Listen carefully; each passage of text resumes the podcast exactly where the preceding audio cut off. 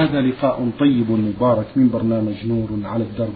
ضيف اللقاء هو سماحة الشيخ عبد العزيز بن عبد الله بن باز المفتي العام للمملكة العربية السعودية ورئيس هيئة كبار العلماء. مع مطلع هذا اللقاء نرحب بسماحة الشيخ عبد العزيز. أهلا ومرحبا سماحة الشيخ. حياكم الله وبارك فيكم. وفيكم السائلة ميم ميم اليمن من حضرموت تقول في هذا السؤال كيف يمكن تلقي العلم الشرعي الحق بالنسبة للفتاة؟ وهل تلقي المرأة للعلم الشرعي في بيتها من خلال الاستماع لبعض الأشرطة وقراءة الكتب كافي وذلك عند قلة وجود العلماء في بلادها؟ وجهون بذلك يا سماحة الشيخ. بسم الله الرحمن الرحيم. الحمد لله. وصلى الله وسلم على رسول الله وعلى آله وأصحابه ومن اهتدى بهدى أما بعد فإن العلم يتلقى بطرق كثيرة منها تلقيه من طريق سماع الإذاعة عن نور على الدرب وعن إذاعة القرآن وعن المحاضرات وخطب الجمعة والخطب الأخرى من أهل العلم والبصيرة وأهل العقيدة الطيبة. هذه طرق لتلقي العلم. للمرأة وغير المرأة. يسمع الإنسان في بيته وتسمع المرأة في بيتها. إذاعة القرآن الكريم من المملكة العربية السعودية فيها علم كثير. ومحاضرات كثيرة وفيها برنامج نور على الدرب الساعة التاسعة والنصف. فيه خير كثير وعلم جم. وهناك طريق آخر عام وهو العناية بالقرآن الكريم. وهو أحسن الطرق وأعظمها وأنفعها العناية بالقرآن والإكثار من تلاوته بالتدبر والتعقل. وسؤال أهل العلم عما أشكل من طريق الهاتف أهل العلم معروفين بالعقيدة الطيبة والعلم والفضل وحسن السيرة ومراجعة كتب التفسير مثل تفسير ابن كثير تفسير ابن جرير تفسير البغوي فيما أشكل. تفسير الشوكاني لسان يراجع القرآن ويتدبر القرآن وما أشكل عليه يراجع كتب التفسير. أو يسأل أهل العلم الذين يعرفهم بالعلم والبصيرة والعقيدة الطيبة. وهناك طريق آخر وهو طريق حلقات العلم في المساجد. إذا كان طالب العلم يحضر حلقات العلم في المسجد أو المرأة تحضر حلقات العلم من بعيد تسمع في محلات مناسبة لها تستطيع سماع كلام المعلم والمرشد في حلقات العلم كما أنها تسمع خطبة الجمعة في مساجد في في المساجد التي تقام فيها الجمعة. كل هذه من طرق العلم. كذلك الكتاب السؤال من طريق الهاتف. كونها تسأل من طريق التلفون تسأل أهل العلم عما أشكل عليها. وتحرص على أهل العلم المعروفين بالعقيدة الطيبة والسمعة الحسنة حتى تسألهم عما أشكل عليها. وهكذا الرجال أيضا يسألون من طريق الهاتف من طريق التلفون عما أشكل عليهم. ويحضرون حلقات العلم عند أهل العلم في بلدهم وفي غير بلدهم ولا بالرحيل إلى بلد أخرى لأجل طلب العلم والتفقه في الدين. يقول النبي صلى الله عليه وسلم في الحديث الصحيح من يريد الله به خيرا يفقهه في الدين. ويقول عليه الصلاة والسلام من سلك طريقا يلتمس فيه علما سهل الله به طريقا إلى الجنة. وكان السلف يرتحلون في طلب العلم الصحابة ومن بعدهم. من بلاد إلى بلاد لأجل طلب العلم والتفقه في الدين. ولا بد مع هذا من الإخلاص في ذلك والنية الصالحة وسؤال الله التوفيق والإعانة. فهو سبحانه الموفق الهادي.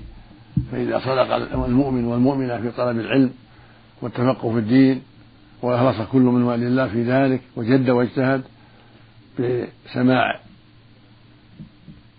إذاعة القرآن الكريم من المملكة العربية السعودية. وما فيها من الخطب العظيمة الفوائد كثيرة والمحاضرات وبرنامج مع الدرب كذلك. سمع خطب الجمعة التي تذاع سمع المحاضرات التي تذاع سمع خطبة الجمعة في بلدها إذا كانت إذا كان الخطيب ممن يوثق بعلمه وفضله. كل هذا طريق. كل هذه طرق من طرق العلم. نسأل الله لجميع التوفيق. نعم. اللهم آمين. جزاكم الله خيرا سماحة الشيخ. تقول السائلة هل يجوز أن تفتي المرأة إذا ما سئلت عن فتوى قد سمعتها أو قرأتها؟ نعم إذا كان عندها علم تفتي. كان أزواج النبي يفتون رضي الله عنهن وهكذا جملة من الصحابيات ومن أهل العلم بعد الصحابة. إذا كان عندها علم من كتاب الله وسنة الرسول صلى الله عليه وسلم تفتي تعلم الناس. أو تنقل لهم من فتوى تقول أفتى فلان أو سمعت في الإذاعة في برنامج يقدم كذا إذا كانت حافظة للشيء تنقل لهم ما سمعت. أو من كتاب معروف من كتب أهل السنة عرفت معه طالبة علم عرفت المعنى. تنقل ما عرفت من المعنى لغيرها. كل هذا من باب التعاون على البر والتقوى. كل هذا من باب أيضا نقل العلم والتواصي بالحق. نعم. جزاكم الله خيرا سماحة الشيخ. تقول هذه السائلة من حضرموت من اليمن ميم ميم تقول بعض الأخوات يرفضن القيام بالدعوة إلى الله في مجال النساء بحجة أنه أنهن يخفن أن يقولن ما لا يعلمن فيتحملن بذلك الإثم وإثم غيرهن. هل من توجيه في ذلك؟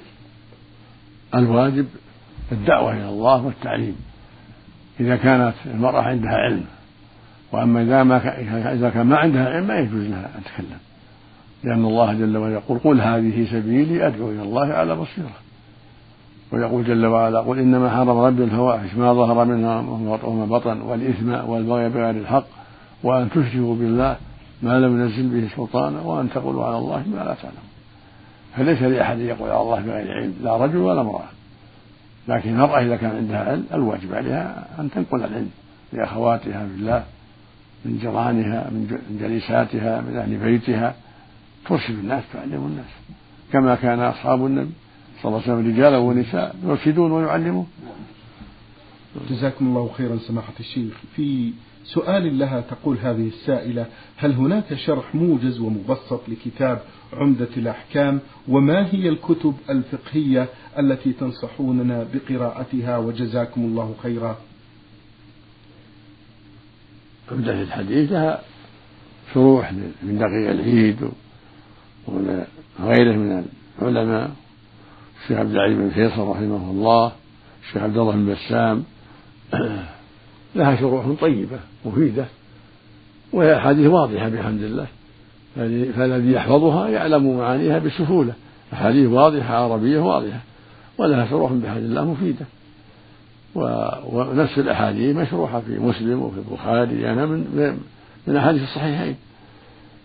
فأنا أوصي بحفظ أمة الحديث. كتاب جيد للشيخ عبد الغني بن عبد الواحد المقدسي.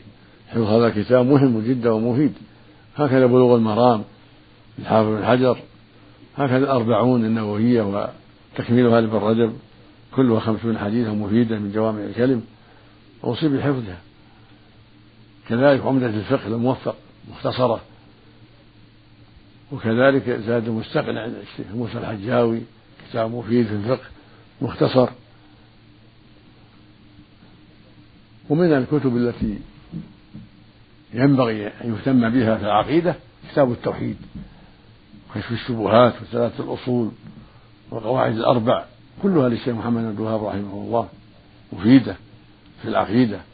كذلك العقيدة الواصلية لشيخ الإسلام ابن تيمية في العقيدة كتاب مهم نوصي بحفظ هذه الكتب والعناية بها والمذاكرة فيها مع الرجال والنساء لأنها مفيدة وواضحة ليس فيها تعقيد. جزاكم الله خيرا سماحة الشيخ. من أسئلة هذه السائلة تقول ما هي صلاة الأوابين؟ وهل كان الرسول صلى الله عليه وسلم يداوم على صلاتها؟ وماذا كان يقرأ فيها؟ صلاة الأوابين صلاة الضحى إذا اشتد الضحى. هذه صلاة الأوابين. إذا اشتد الضحى سنة لكل أحد أن يصلي. صلاة الضحى. ركعتان. وإن زاد فلا بأس. النبي أوصى أبا هريرة وأوصى أبا الدرداء بركعتين صلاة الضحى. وقال عليه الصلاة والسلام يصبح على كل على كل سلام من أحدهم صدقة. كل تسبيحة صدقة. كل تهليل صدقة. كل تحميد صدقة. أمر معروف صدقة. ونهي عن منكر صدقة. ويكفي بذلك ركعتان تركعهما من الضحى. أو كما قال عليه الصلاة والسلام. فجعل الركعتين تقومان مقام هذه الصدقات وهذه التسبيحات والتكبيرات. وربما ربما صلى الضحى صلى الله عليه وسلم أربعة. وربما صلاها ثمان عليه الصلاة والسلام. صلاها يوم الفتح ثمان ركعات ثمان أربع تسليمات. قالت عائشة كان يصليها أربعا ويزيد ما شاء الله. يعني بعض الأحيان عليه الصلاة والسلام وما كان يداوم عليها لئلا يشق على أمته. قد يترك العمل وهو يحب أن يعمله مخافة المشقة على أمته. لكن دلت السنة القولية على أن المواظبة عليها والمحافظة عليها سنة مؤكدة. كون الإنسان يحافظ على صلاة الضحى سنة مؤكدة من وصية النبي صلى الله عليه وسلم فإنها أوصى بها عليه الصلاة والسلام. نعم. جزاكم الله خيرا سماحة الشيخ. ننتقل بعد ذلك إلى رسالة من أحد الإخوة لم يذكر السائل في هذه الرسالة أخوكم في الله رمضان حاء يقول في هذا السؤال ماذا يفعل الإنسان المبتلى بالوسواس القهري؟ وخصوصا إذا كان هذا الوسواس والخواطر سيئة للغاية وأخشى أن يعاقبني الله عليها فهل يواخذني الله عز وجل على هذه الوساوس وهذه الخواطر مهما مهما بلغ شدة قبحها وخبثها ماذا أفعل سماحة الشيخ؟ الصحابة رضي الله عنهم اشتكوا للنبي صلى الله عليه وسلم هذه الوساوس. وقالوا إن أحدنا يجد في نفسه ما لا أن يخر من السماء أهون أو قالوا, أو قالوا أسهل من أن ينطق بها. فأوصاهم صلى الله عليه وسلم إذا وجدوا هذه الوساوس الخبيثة من جهة الله أو من جهة الآخرة. أن يقول أحدهم آمنت بالله ورسوله وأن يتعوذ بالله من الشيطان وينتهي هذا دواؤها. هذه الوساوس الخبيثة الخطيرة. دواؤها أن يقول المؤمن آمنت بالله ورسوله ويتعوذ بالله من الشيطان. الرجيم وتزول. قال قال له قال عثمان بن أبي العاص يا رسول الله إن الشيطان قد لبس علي صلاتي فأمره صلى الله عليه وسلم. وجد ذلك ينفث عن يساره ثلاث مرات. وأن يتعوذ بالله من الشيطان ثلاث مرات. قال ففعلت فأذهب الله عني ما أجد. فإذا وجد الإنسان في نفسه ما يحيك من جهة الله من خلق الله ما هنا جنة ما هنا نار أشياء من هذه الوساوس الخبيثة يقول آمنت بالله ورسوله آمنت بالله ورسوله أعوذ بالله من الشيطان الرجيم. وينتهي والحمد لله يسلم. الحمد لله. الحمد لله. جزاكم الله خيرا سماحة الشيخ. السائل الذي رمز لاسمه بهذا الرمز رمضان حاء را يقول ماذا يفعل من مات والده وهو عاق لهما يقول ماذا يفعل من مات والديه وهو عاق لهما وهو نادم الآن بعد وفاتهما على هذا العقوق ولا يدري ماذا يفعل حتى يتوب الله عليه؟ جزاكم الله خيرا سماحة الشيخ. عليه التوبة إلى الله. كل ذنب التوبة. إذا مات عاقا لوالديه عليه التوبة إلى الله. أو ظالما لأحد عليه التوبة إلى الله. والندم والإقلاع والدعاء لهم بالمغفرة والرحمة. يكثر من الدعاء لهم والصدقة عنهم. وهذا مما يخفف عنه ويزيل عن الإثم. التوبة تجب ما قبلها. الحمد لله. يقول النبي صلى الله عليه وسلم الإسلام يهدم ما كان قبله والتوبة تجب ما قبلها. ويقول الله جل وعلا قل للذين كفروا إن ينتهوا يغفر لهم ما قد سلف.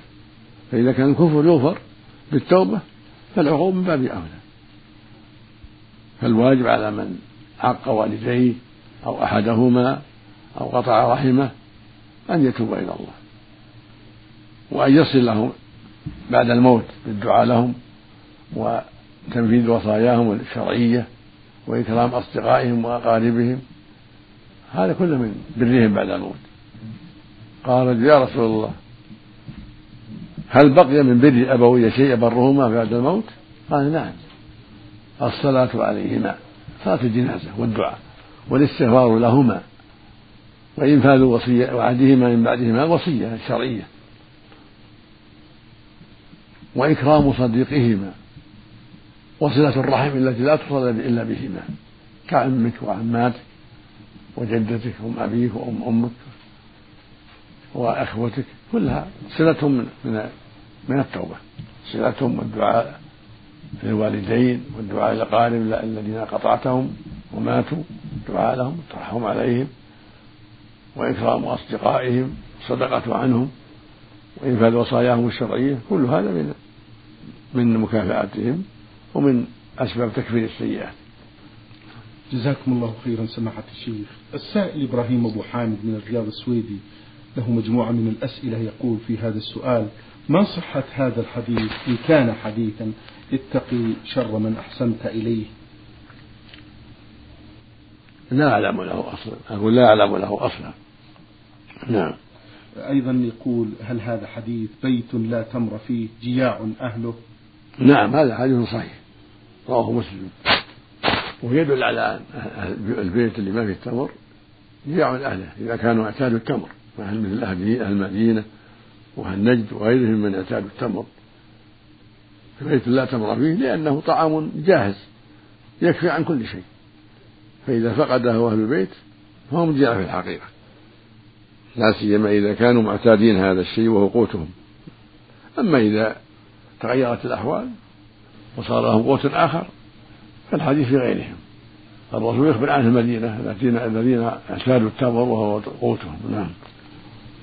أحسن الله إليكم. سماحة الشيخ كثر في زماننا هذا سماحة الشيخ عبد العزيز الأحاديث الموضوعة. فهل من معالجة لمثل هذا الموضوع سماحة الشيخ عبد العزيز؟ الأحاديث موضوعة كثيرة من قديم الزمان. قد صنف فيها العلماء من عهد الصحابة إلى يومنا هذا والوضاعون كثيرون. وضعوا على النبي صلى الله عليه وسلم وعلى غيره. ولكن كلما قل العلم وقل العلماء انتشرت هذه الأكاذيب وهذه الترهات وهذه الجهالات وكلما كثر العلماء في البلد قضي عليها. وما ذاك إلا لأن أعداء الإسلام كثيرون والجهلة من طلبة العلم ومن العباد كثيرون. فيحسبون أن الأحاديث التي يرويها بعض الكذب الصحيحة فينشرونها إما في فضل الصلاة أو فضل الصوم أو فضل الصدقة أو في غير ذلك. وبعض الناس أعداء الإسلام يكذبون وينشرون عداوة للإسلام وتشويها للإسلام. فالواجب على المسلم أن يحذر تصديقهم وأن لا يقبل من الأحاديث إلا ما شهد به أهل العلم وبينه له أهل العلم. إذا كان لا يعلم يسأل أهل العلم. أما إذا كان عنده علم فالحمد لله. قد بين أهل العلم ما يعرف به الحديث الضعيف والموضوع والصحيح. إذا قرأ كلام أهل العلم عرف ذلك. نعم. جزاكم الله خيرا سماحة الشيخ. السائل إبراهيم أبو حامد له آخر سؤال في هذه الرسالة. ما حكم المسح على الشراب الخفيف الذي يبين لون البشرة؟ إذا كان الشراب لا يستر لا يمسح عليه. لا يمسح إلا على جورب يستر. يستر القدم أما الذي لا يستر فلا يمسح عليه. نعم. جزاكم الله خيرا فضيلة الشيخ. هذا السائل يقول إذا صليت سنة العصر أو أي فرض يقول هذا السائل إذا صليت سنة العصر أو أي فرض القبلية قبل الأذان وعندما أذن العصر صليت أربع ركعات فرض العصر. فهل السنة القبلية تكتب لي قبلية العصر أم يجب أن أصليها بعد الأذان؟ أرجو التوضيح.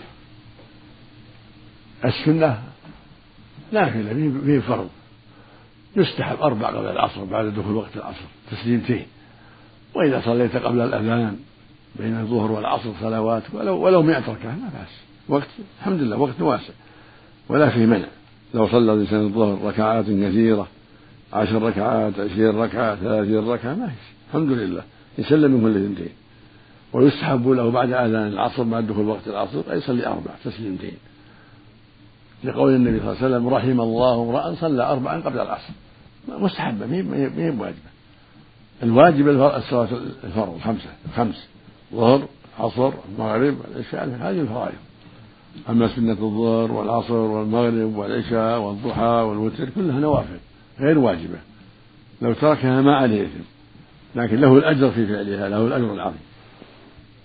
نعم. جزاكم الله خيرا.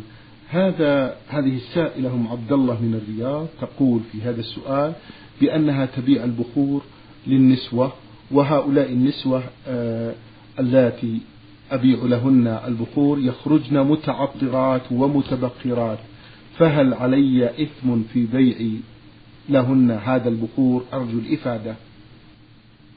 إذا كنت تعلمين أن هؤلاء يفعلن ذلك لا تبعين عليهم. إذا كنت تعلمين أن أنهم أنهن يطيبن في خروجهن في الأسواق فلا تفعلي لأن الله يقول وتعاونوا على البر والتقوى. ولا تعاونوا على الإثم والعدوان. فإذا كنت تعلمين أن هذه المرأة التي تشتري منك العود أو غيره من الطيب أن تبرج به في الأسواق أو أو عند الأجانب هذا لا, لا يجوز. لأنك في هذه الحالة تعينين تعينين على المعصية. أما إذا كنت لا تعلمين فلا حرج عليك. أن تبيعي على النساء وغير النساء. أما إذا علمت أن فلانة بنت فلان التي تشتري منك أنها تفعل هذا الفعل لا تبيعي عليها. جزاكم الله خيرا سماحة الشيخ. هذا السائل الذي أرسل بهذه آه، الرسالة لم يكتب الاسم الحقيقة في هذه في هذه الرسالة يقول نسأل حول شراء بعض المواد التي يصرف لها ربح مقدما بما يسمى العمولة. فأنا أشتري بعض المواد بمبلغ وليكن ألف ريال مثلا فيصرف لي ربح عشرة بالمية مقدما. والبضاعة لا تزال عندي ولم يصرف منها إلا الربح إلا الربع أو النصف. مع العلم بأنني أبيع هذه البضاعة حسب شروط البيع من قبلهم فهل هذا الشراء صحيح والعمولة والعمولة صحيحة؟ أعد. يقول إيه. أسأل عن شراء بعض المواد التي يصرف لها ربح مقدما بما يسمى العمولة فأنا أشتري بعض المواد بمبلغ وليكن ألف ريال مثلا فيصرف لي ربح عشرة بالمية مقدما والبضاعة لا تزال عندي. ولم يصرف ولم يصرف منها إلا الربع أو النصف. مع العلم بأنني أبيع هذه البضاعة حسب شروط البيع من قبلهم فهل هذا الشراء صحيح؟ والعمولة التي تدفع لي مقدما هل هي جائزة أم حرام؟ ما فهمت هذا السؤال. يكتب الكتابة نعم. أنت أيها السائل تجعل عنوانك واضح. ترسله على العنوان على دار الإفتاء وننظر في الأمر لأن سؤالك غير واضح غير واضح لي الآن جزاكم الله خيرا سماحة الشيخ. يقول السائلة أم عبد الله تسأل في هذا السؤال وتقول هل يجوز لي أن أصلي ركعتين سنة سنة المغرب قبل الأذان أم أنه يعتبر من الوقت المنهي عنه؟ الصلاة بعد الأذان بعد غروب الشمس. الصلاة أما قبل غروب الشمس وقت نهي. إلا إذا كان دخل المسجد ينتظر المغرب فلا بأس يصلي ركعتي التحية ركعة تحية المسجد. أو دخل مكة دخل مكة وطاف بعد العصر يصلي صلاة الطواف. أما أن الإنسان يصلي قبل الغروب وهو في في بيته أو جالس في المسجد لا هذا وقت نهي. لكن إذا جاء بعد صلاة العصر ينتظر المغرب يصلي ركعتين تحية المسجد ويجلس. أو طاف بعد العصر في مكة يصلي في ركعة الطواف لأنها سنة لها سبب. فلا بأس. جزاكم الله خيرا. تسأل هذه السائلة أم عبد الله عن قتل النمل المتواجد في المنزل بكثرة. هل يجوز قتله شيء؟ إذا كان هذا النمل يؤذي يؤذيهم فلا بأس. أما إذا كان لا يؤذي فلا يقتل. الرسول نهى قتل النمل.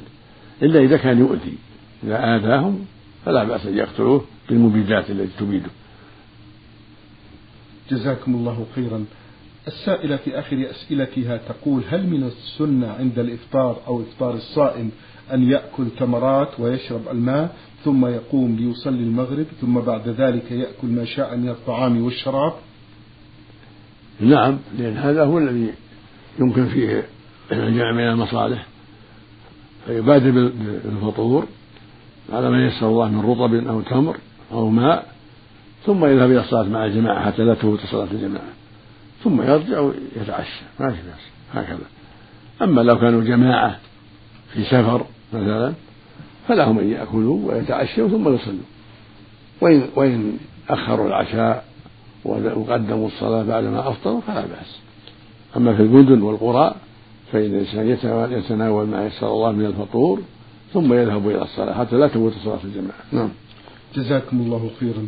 السائل ميم حا يقول في هذا السؤال ما ما حكم كتابة بسم الله الرحمن الرحيم وبه نستعين في دفاتر التحضير والكتب والواجبات المنزلية المنزلية علما بأنني ألاحظ كثير من الناس يكتبون ذلك. نرجو منكم التوجيه. لا أعلم بأسا في ذلك. وليكفي بسم الله. لكن إذا قالوا به نستعين ما على فيه بأس. ويكفي بسم الله الرحمن الرحيم أو بسم الله فقط. والكمال بسم الله الرحمن الرحيم. في الدفاتر عند كتابة الرسائل بسم الله الرحمن الرحيم. وعندما يقرأ السورة بسم الله الرحمن الرحيم. عند الأكل بسم الله الرحمن الرحيم. أو يقول بسم الله ويبدأ الأكل لا بأس. أما وبه نستعين لا حرج فيها لكن ما أعلم يعني لها أصل المداومة عليها. لكن إذا فعلها لا حرج. الاستعانة بالله سبحانه وتعالى. جزاكم الله خيرا سماحة الشيخ. السائل يقول في هذا السؤال ما حكم إذا ترك المسلم الصلاة لمدة يومين وهو في حالة إغماء أو عملية؟ ماذا يفعل؟ وهذا اللي قلنا فيه به نستعين غير قراءة غير قراءة عند عند قراءة القرآن عند قراءة السور يقول بسم الله الرحمن فقط لا يزيد عليها شيء. بسم الله الرحمن عند بدء السور ما عدا براءة يقول بسم الله الرحمن الرحيم. يكفي كما فعله النبي وفعله المسلمون. لكن في أشونه الأخرى في بيعه وفي أكله وشربه وبيعه وشراه أو دخول منزل أو ما لا بأس يأتي به يستعين ولكن لا, لا, لا, لا حاجة إليها. يكفي بسم الله الرحمن الرحيم والحمد لله. هكذا السنة. نعم. نعود إلى سؤالنا سماحة الشيخ نعم. آه الذي أرسله السائل ميم حا يقول ما حكم إذا ترك المسلم الصلاة لمدة يومين وهو في حالة إغماء أو عملية؟ يقضيها كالنائم يومين ثلاثة كالنائم إذا استيقظ وعى يقضيها كما يقضيها النائم إذا كان ثلاثة ثلاثة أيام أو أقل يقضيها كالنائم هذا أحسن ما قيل في ذلك. نعم. أما إذا طالت المدة فلا قضاء عليه. جزاكم الله خيرا سماحة الشيخ. امرأة في حالة ولادة قبل يومين أو ثلاثة من الولادة ولم ينزل منها دم ولكنها في حالة إغماء. ماذا تعمل؟ هل تقضي الصلاة بعد انتهاء مدة آه، النفاس؟ نعم. تقول امرأة في حالة ولادة قبل يومين أو ثلاثة من الولادة ولم ينزل منها دم ولكنها في حالة إغماء. ماذا تعمل؟ هل تقضي الصلاة؟ تقضي الصلاة إذا طهرت إذا طهرت. لأن الإغماء مثل ما تقدم يومين ثلاث مثل مثل النوم. أقرب ما لها النوم. فالأرجح أنها تقضي يشبه بالنوم. وضيع عن بعض الصحابة أنه هو عليه يومين أو ثلاثة فقضى. نعم. جزاكم الله خيرا. سماحة الشيخ نختم هذا اللقاء بسؤال للسائل سمير محمد بن القصيم يقول بعدما صليت الفجر في جماعة اكتشفت بأنني جنب.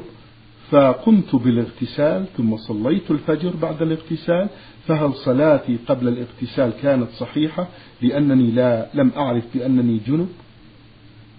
الصلاة غير صحيحة. ما دام علمت أنك جنب أو, أو على غير طهارة الصلاة غير صحيحة.